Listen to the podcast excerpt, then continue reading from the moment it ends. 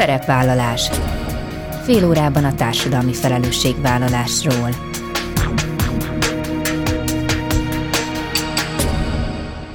Jó napot kívánok! Bíró Bori köszönti Önöket. Adásainkban hétről hétre példákat hozunk arra, hogy egy-egy cég vagy intézmény, netán magánszemély, milyen formában, milyen eszközökkel járul hozzá anyagi gondok, társadalmi problémák orvoslásához, az életminőség javításához, a fenntartható fejlődéshez. Így módon is kifejezve, hogy felelősséget érez azért a környezetért, amelyben él és dolgozik. A jelenlegi recesszióba hajló gazdasági környezetben egyre fontosabb a szervezeteknek előre látni a likviditási helyzetüket, de meglepően sok civil szervezetnél hiányzik az ennek megtervezéséhez szükséges tudás. Vállalati önkéntesek bevonásával indul program, amely a pénzügyi helyzet, a likviditás jobb előrejelzésében kívánja segíteni a non-profit szervezeteket és társadalmi vállalkozásokat. Ezáltal hamarabb felismerhető a közelgő pénzügyi probléma, nagyobb a mozgástér és könnyebb megoldásokat keresni. Bakó Csaba a Simpect közhasznú nonprofit Kft. alapító ügyvezetője, a programvezetője a vendégem elsősorban hajléktalanságban élő nélkülöző embereknek és segítséget kérő családoknak segít a Csak Egyet szolgálat. A hatodik kerületi karitatív szervezet többek közt szociális segítőközpontot és nappali melegedőt üzemeltet. Tavaly ők is részt vettek egy pénzügyi tervezőprogramban. Ennek tanulságairól kérdezem Müller Márk kommunikációs és forrásfejlesztési vezetőt. Ezek a mai témáink, tartsanak velünk! Vállalati önkéntesek bevonásával indult szakmai program, amely a pénzügyi helyzet a likviditás jobb előrejelzésében kívánja segíteni a non-profit szervezeteket és társadalmi vállalkozásokat. A telefonnál Bakó Csaba, a Simpect közhasznú non-profit Kft. alapító ügyvezetője, a program vezetője, vele fogunk beszélgetni a következő néhány percben. Jó napot kívánok! Jó napot kívánok! Nagyon köszönöm a lehetőséget, hogy erről a szakmai önkéntes programot beszéletek, amit az ERSZT alapítvány támogatásával valósíthatunk meg. Hát induljunk akkor onnan, hogy hogy látják, miért olyan fontos, hogy a non-profit szervezetek pontosan ismerjék a likviditási helyzetüket. Van-e ennek akár különös aktualitása jelenlegi gazdasági helyzetben, és egy picit talán érdemes visszamennünk egy néhány hónapot, mert úgy tudom, hogy még tavaly volt egy olyan rendezvényük, ahol civilekkel beszélgettek a recesszió recesszió és az energiaválság kihívásairól, és minthogyha az indította volna el önökben a gondolkodást, hogy szükség lenne egy ilyen pénzügyi programra. Igen, a finanszírozás tekintetében sosem volt egyszerű civil szervezetnek lenni, de amikor a gazdaság lassul, esetleg recesszió közeleg, és egyéb tényezők, mint ahogy említett, az energiáraknak a jelentős növekedése, ez mind-mind komoly kihívással állítja a civil szervezeteket.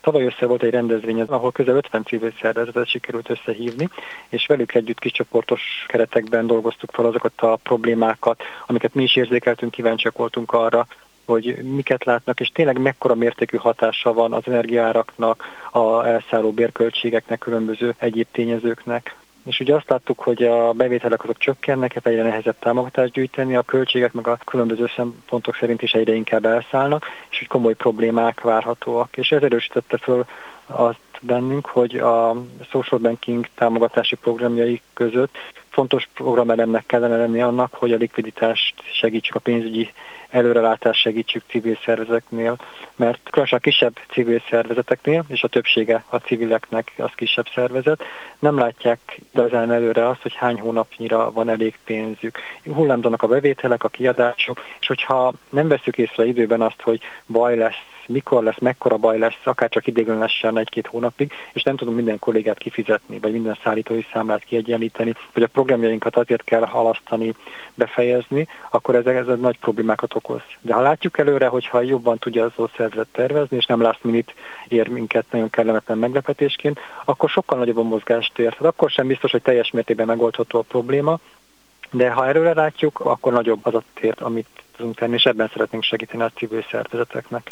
Igen, és ugye ez is előfordulhat, hogy bizonyos területeken nagyon jól teljesít egy civil szervezet, de vannak hiányosságok, és vannak kifejezetten olyan területek, amelyek hez akár kevésbé értenek, és ilyen lehet egyébként a pénzügy területe is, ahol akár egy külső szem rálátása az nagyon sokat tud segíteni. Na most itt, ami az önök programjában igazán izgalmas szerintem, az az, hogy itt vállalati önkéntesek azok, akik bekapcsolódnak, tehát ők azok, akik hát lehet, hogy nem ez a jó szó, de mondjuk így mentorálják a, a civil szervezeteket. Arra lennék kíváncsi, hogy ők milyen területről érkeznek, és ha ez a konstrukció egyedi, mert én még nem nagyon hallottam erről korábban Magyarországon, akkor miért számít különlegesnek? A kérdés, a kérdések megválaszolásához érdemes pár szót a Simpektről is, is szót ejtenem. Egy közhasznú non-profit szervezet vagyunk, de mi azért vagyunk egyediek, mert mi magunk is közgazdászokból állunk, akik korábban üzleti területen dolgoztunk, jelentős ismert cégek, én éppen egy menedzsment tanácsadó cégnél voltam és azt láttuk, hogy ez a tudás, ami az üzleti világban jelen van, vezetési, szervezési, menedzsment jellegű tudás, akár legyen a stratégialkotás, pénzügyi menedzsment, különböző területei folyamatok fejlesztése, ezek nagyon-nagyon hasznosak hiánypótók civil szervezeteknél és mi szimpekként én ezekben szeretnénk segíteni az, ezeket a szervezeteket, hogy ez a tudás elérhető legyen. Ha valami nehezebb, bonyolultabb, sok időt igényel, akkor szimpek kollégákkal segítünk, hogyha pedig kevesebb időből, vállalati háttérből jövők által is elvégezhető feladatok, akkor meg önkénteseket vonunk be, hiszen így sokkal több embert, sokkal nagyobb kapacitást tudunk mozgatni, bevonni, sokkal nagyobb segítséget tudunk így adni a civil szervezeteknek, hogyha vállalati önkénteseket vonunk be. Ja, miért egyedi ez a modell? Ez azért, mert kiválasztunk egy nagyon konkrét problémát, itt ebben az esetben a civil szervezetek többsége kicsi, nincs arra pénzük, hogy pénzügyi vezetőt, pénzügyes kollégát alkalmazzanak, a vezetőnek egy 20. feladata az, hogy tervezze a pénzügyeket is, túlterheltek a szervezetek, a vezetők is, és hogy ő nekik segítünk, hogy kapnak egy rövid felkészítést, mind a két oldal, az önkéntes és a civil szervezet is, és ott így kapnak egy olyan módszertant, egy javasolt módszertant, ami alapján már nagyon könnyen közösen ki tudják találni, hogy ami elhangzott a képzésen, az a megközelítés, az a javasolt módszertan, azt hogyan lehetne rászabni az adott szervezetre, és az az Excel sablon az esetben, meg azok a folyamatok, azokat elkezdik rászabni a szervezetre, kitalálják néhány konzultáció alkalmával, a egy mini háttérmunka segítségével az önkéntesek a szervezettel együtt, hogy hogyan lehet tervezni a pénzügyeket. És ugye az önkénteseknek hatalmas szerepük van, mert sokszor van az, hogy a képzéssel megy egy, egy szervezet, jó dolgok hangzanak el, de utána nincs idő, vagy nem, valamiért nem valósul meg. Ebben az esetben pedig az önkéntesek segítenek abban, hogy, hogy implementálják, ugye meg rászabják a szervezetre, azt, hogy tényleg elkezdje használni a szervezet, úgymond rákényszerítik így pozitív értelemben, plusz kapacitást adnak, hogy egy csomó mindent átgondoljanak a szervezet helyett, és a szervezetnek csak közösen kell gondolkodnia az önkéntesekkel, és a végén előáll egy olyan likviditás tervező táblázat, amit nagyon könnyen tudnak minden hónapban frissíteni, és már látják előre, fél évre, egy év előre, hogy hogy mikor lehet probléma, hol fog közeledni, milyen mértékű az a probléma. És ideális esetben mennyi ideig tart a programnak ez a része, tehát amíg az önkéntesek átadják a tudást? Maga a képzés, amit a Simpact tart, az kétszer másfél óra a civil szervezetek részére, és egy két órás képzés az önkéntesek felé, tehát az egy rövid, kompakt képzésben nagyon jól át lehet adni, amihez szükséges. Az önkéntesek ezután egy ilyen két hónap során, most jelen esetben február közepétől április közepéig, két hónapuk van arra, hogy ők maguk egyeztessenek a civil szervezettel időpontokat, és akár online, vagy ha meg tudják oldani, akkor személyesen két-három konzultáció, egy-két órás konzultációk keretében tudják közösen átgondolni és rájuk szabni ezt az Excel sablont, illetve ezt a javasolt megközelítést. Tehát egy önkéntestől igazából nagyon rugalmas keretek között, akár teljes mértékben online, kb. 10-15 órányi kapacitást igényel ez a két-három hónapnyi időszak alatt, beleértve a felkészítést is. És mi az, amit profitálhatnak belőle kifejezetten a vállalatok, illetve a vállalatok önkéntesei? Mert azt gondolom, hogy az, hogy a civil szervezeteknek, a társadalmi vállalkozásoknak ez valami pozitívum, az teljesen egyértelmű. De az, hogy valaki kiszakad a vállalati környezetből, esetleg olyan szervezetekkel, olyan ügyekkel találkozik, amelyekkel egyébként soha nem kapcsolódna össze, szóval, hogy nyilván rejt ez sok-sok kihívást is, de ugyanakkor, mivel korábban nekem említette, hogy hogy nagyon nagy az érdeklődés, és cégeket már nem is igazán várnak a programba, mert bőven elegen vannak. Mi lehet a titok? Itt a, ugye említette a cégeket, mi eredetileg kb. 30 vállalati önként szerettünk volna toborozni, ez már múlt héten megvolt, most 50 fölött járunk.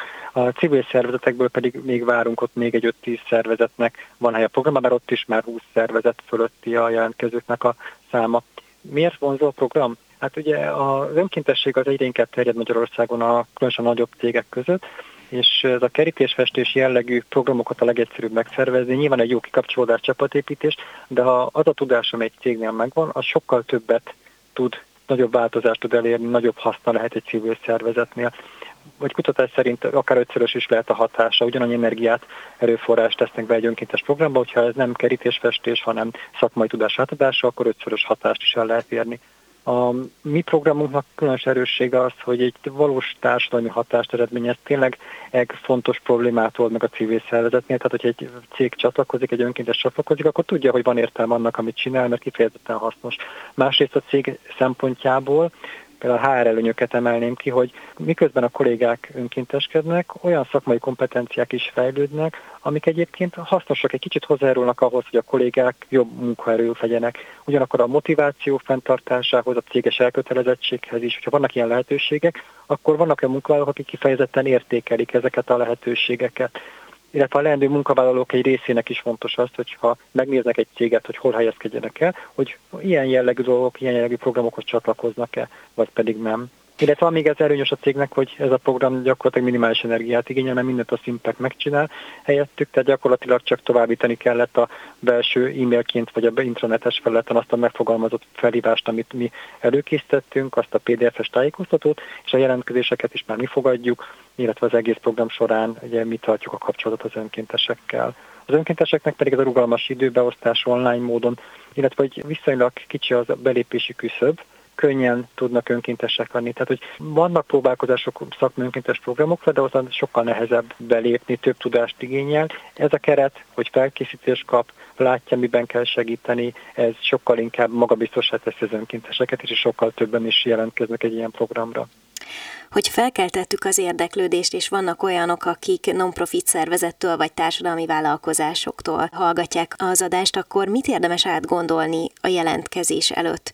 Kik azok, akiknek civil szervezetként érdemes jelentkezni. Ahogy említette, ugye ez nem egy hosszú távú elköteleződés, tehát az idő az valószínűleg nem akadály, de mégis kinek érdemes ezen elgondolkodni a mhm. tapasztalatok szerint? Én azt mondom, hogy aki látta már a hirdetés, sok helyen megjelent a felhívás, NIOK hírlevelet érdemes megnézni, utóbbi kettőben is benne volt a felhívás, vagy rákeresni a Simpact, mint Social Impact, Simpact Facebook oldalán, és ott megtalálható hogy főleg kisebb szervezeteknek érdekes, ahol tényleg nincsen dedikált pénzügyes, külső könyvelő van, nehézkesen tervezik a pénzügyeket, szívesen vennének külső segítséget abban, hogy hogy érdemes ezt gördülékenyebben, egyszerűbben úgy megvalósítani, amihez nem kell különösebb pénzügyes háttér, vagy pénzügyes tudás.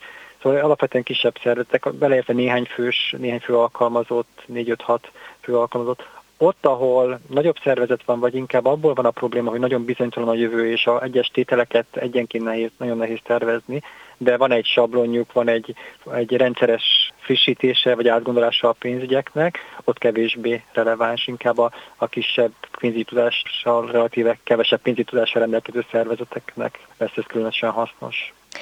És hát, hogy konkrétan mit is lehet hasznosítani egy ilyen programból, arról fogunk beszélgetni picit részletesebben az adás második felében. Most pedig Bakó Csabának, a Szimpact alapító ügyvezetőjének köszönöm szépen a hasznos információkat. Nagyon szépen köszönöm a lehetőséget.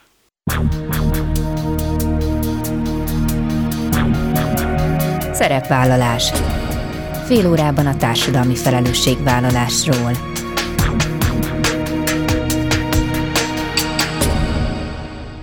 Folytatjuk a telefonnál Müller Márk, a Csak Egyet szolgálat kommunikációs és forrásfejlesztési vezetője. Jó napot kívánok! Jó napot kívánok, köszöntöm a hallgatókat!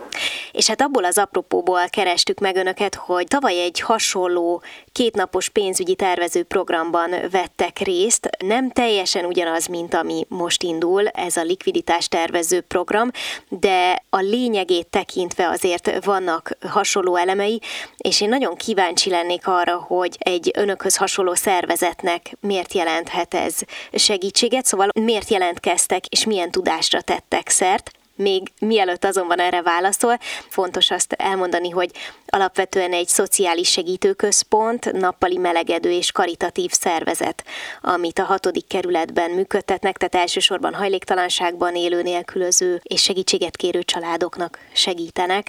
Ez tehát a csak egyet szolgálat, és akkor vissza a tavalyi pénzügyi tervező programhoz. Igazából ugye ez a szervezet 2011. január 1-én indult, tehát most már 12 évvel ezelőtt, és hát azt hiszem, hogy egy, egy viszonylag általános jelenség, ami fölhívta a figyelmet arra, hogy, hogy lépni kéne a pénzügyi tudatosság felé, a pénzügyi tervezésben volna mit fejleszteni a szervezeti működésben.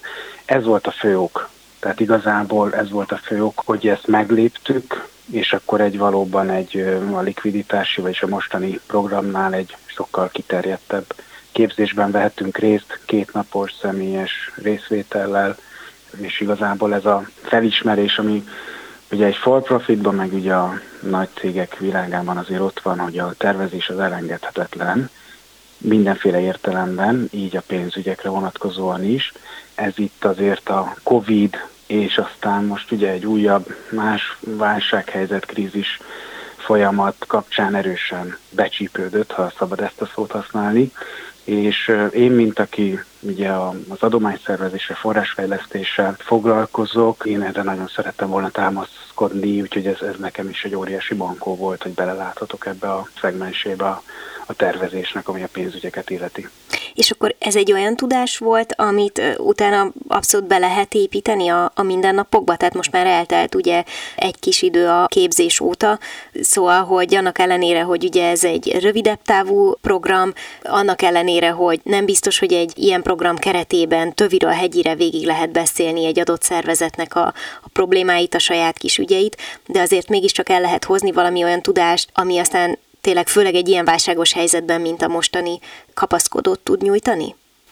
Igen, tehát arra törekedtek a szervezők, ugye most arról beszélünk, amin mi részt vettünk. Ennek a neve a cash flow tervezés volt, ami egy szép angol szó, ugye pénzáramlást jelent, így a szó szerint fordítjuk, és itt olyan pénzügyi menedzsment eszközöket kaptunk, amiben egyrészt fogalmakat tisztáztak a szervezők, tehát volt olyan része, ahol így tényleg átadtak tudást, tehát egyfajta tanítói rész, és ott az ember úgy jegyzetelt, mint régen az egyetemen, és akkor volt olyan része, ahol pedig kifejezetten ugye diasorok és konkrét példák, konkrét non-profit vagy társadalmi vállalkozások példáján keresztül bemutattak hibát, bemutattak jó megoldásokat, fedezeti pont, például ez egy érdekes kifejezés, akkor hogy ezt milyen módszerrel, hogyan lehet ezt viszonylag pontosan kiszámolni, akkor különböző elemzési szempontokat tettek elénk, és akkor abból úgy, úgy az ember úgy, mint egy svéd asztalról elvehette azt, ami számára szimpatikus, illetve hát interaktív volt az egész, és kérdeztünk, válaszoltak, és ott voltak élő, a példák mellett élő vezetők, tehát akik a példákhoz kapcsolódóan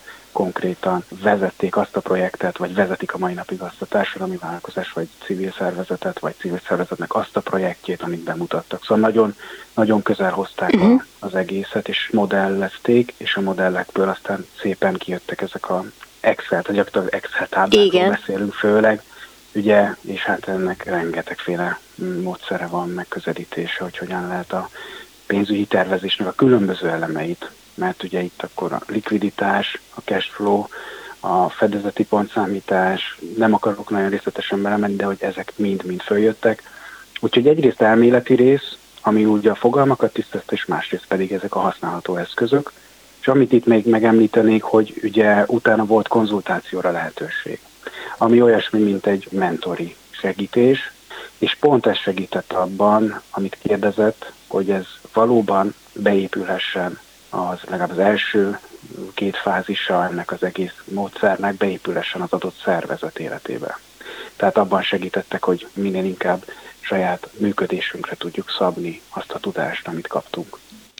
Világos. Na most hogy picit jobban megértsük az önök működését. Ha mesélne arról, hogy elsősorban mik azok a források, amikre önök, mint civil szervezet tudnak támaszkodni, és mondjuk kik a legfőbb támogatók vagy szponzorok? Igen, ugye ez egy intézmény, amit ugye megtámogat az alapítvány. Én az alapítványnak vagyok a főmunkatársa, és az intézmény az ugye elsődlegesen a normatívából tehát állami támogatásból, mivel ez egy egyházi jogi személy által fenntartott ilyen értelemben szó szerint egy egyházi intézmény, kap onnan is egyfajta kiegészítést, tehát innen van az alapbevétele a működéshez, ami gyakorlatilag a, hát tudjuk, milyen rezsiárak vannak, hát az se fedi le, tehát a bérköltségek, rezsi és egyébként meg a fenntartás, karbantartás, tehát erre pikpak kell megy ez a pénz.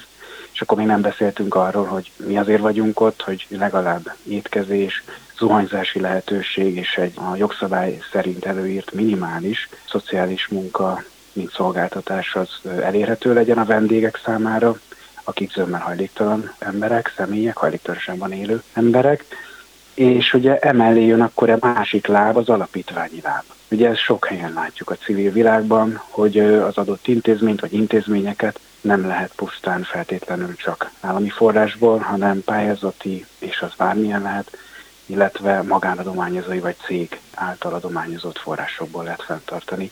Tehát ez egy klasszikusnak mondható modell, és az alapítványba befolyó adományok jelentős része, a több mint 50-55, majdnem 60 százaléka, az direktben megy a, kifejezetten a, a minőségi szolgáltatás biztosítására, ami az étkeztetést értjük, hogy milyen ételt, milyen reggelit kapnak, milyen kávét kapnak a betérő rászorulók, hogy egyébként jól működik és megbízhatóan működik a mosókonya, és lehet mosni ruhát, és egyébként tiszta falak között tudnak megpihenni, hogy van fűtés, hogy még emelkedett rezsijárak mellett is működik a fűtésrendszer, és akkor még, még színezhetném. Gyógyszertámogatás, ami egészen egyedülálló ebben a intézményi típusban, amit mi képviselünk, hogy havi szinten fejenként egy bizonyos keretösszegi 3000 forintot tudunk 3000 forinttal tudjuk támogatni a rászorult. Lehet kisnyugdíjas is, és lehet konkrétan ugye utcán élő személy.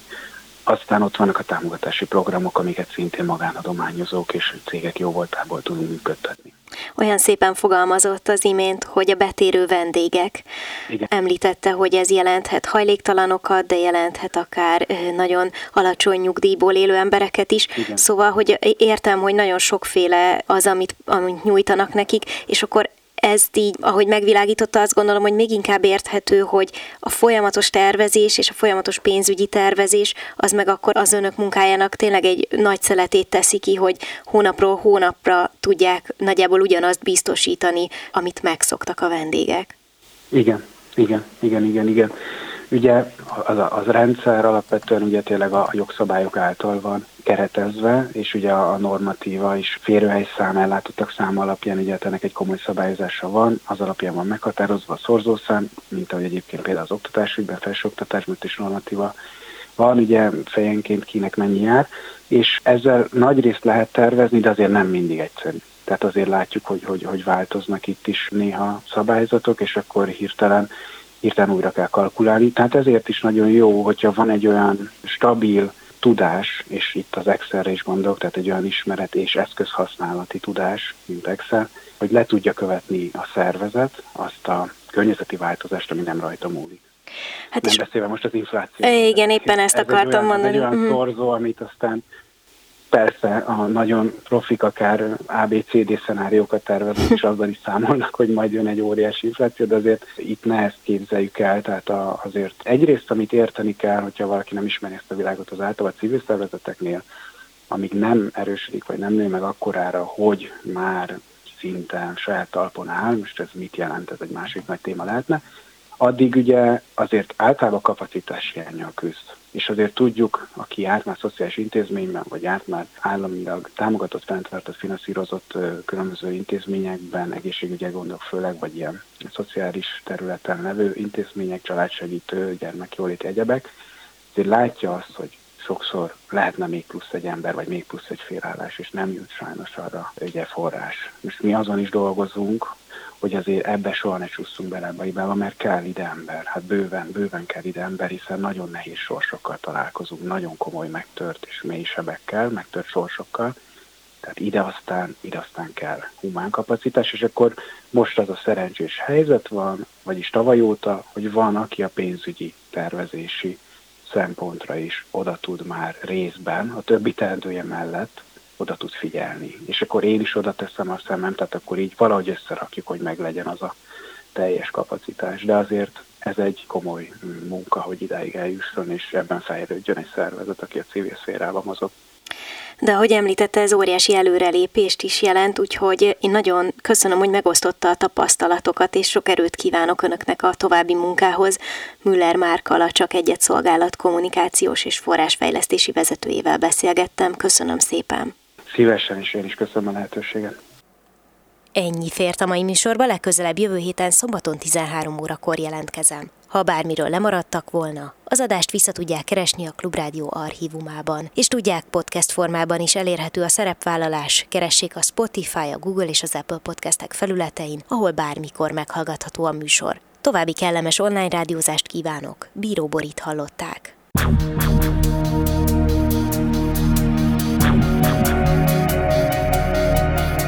A Szerepvállalás című műsorunkat hallották.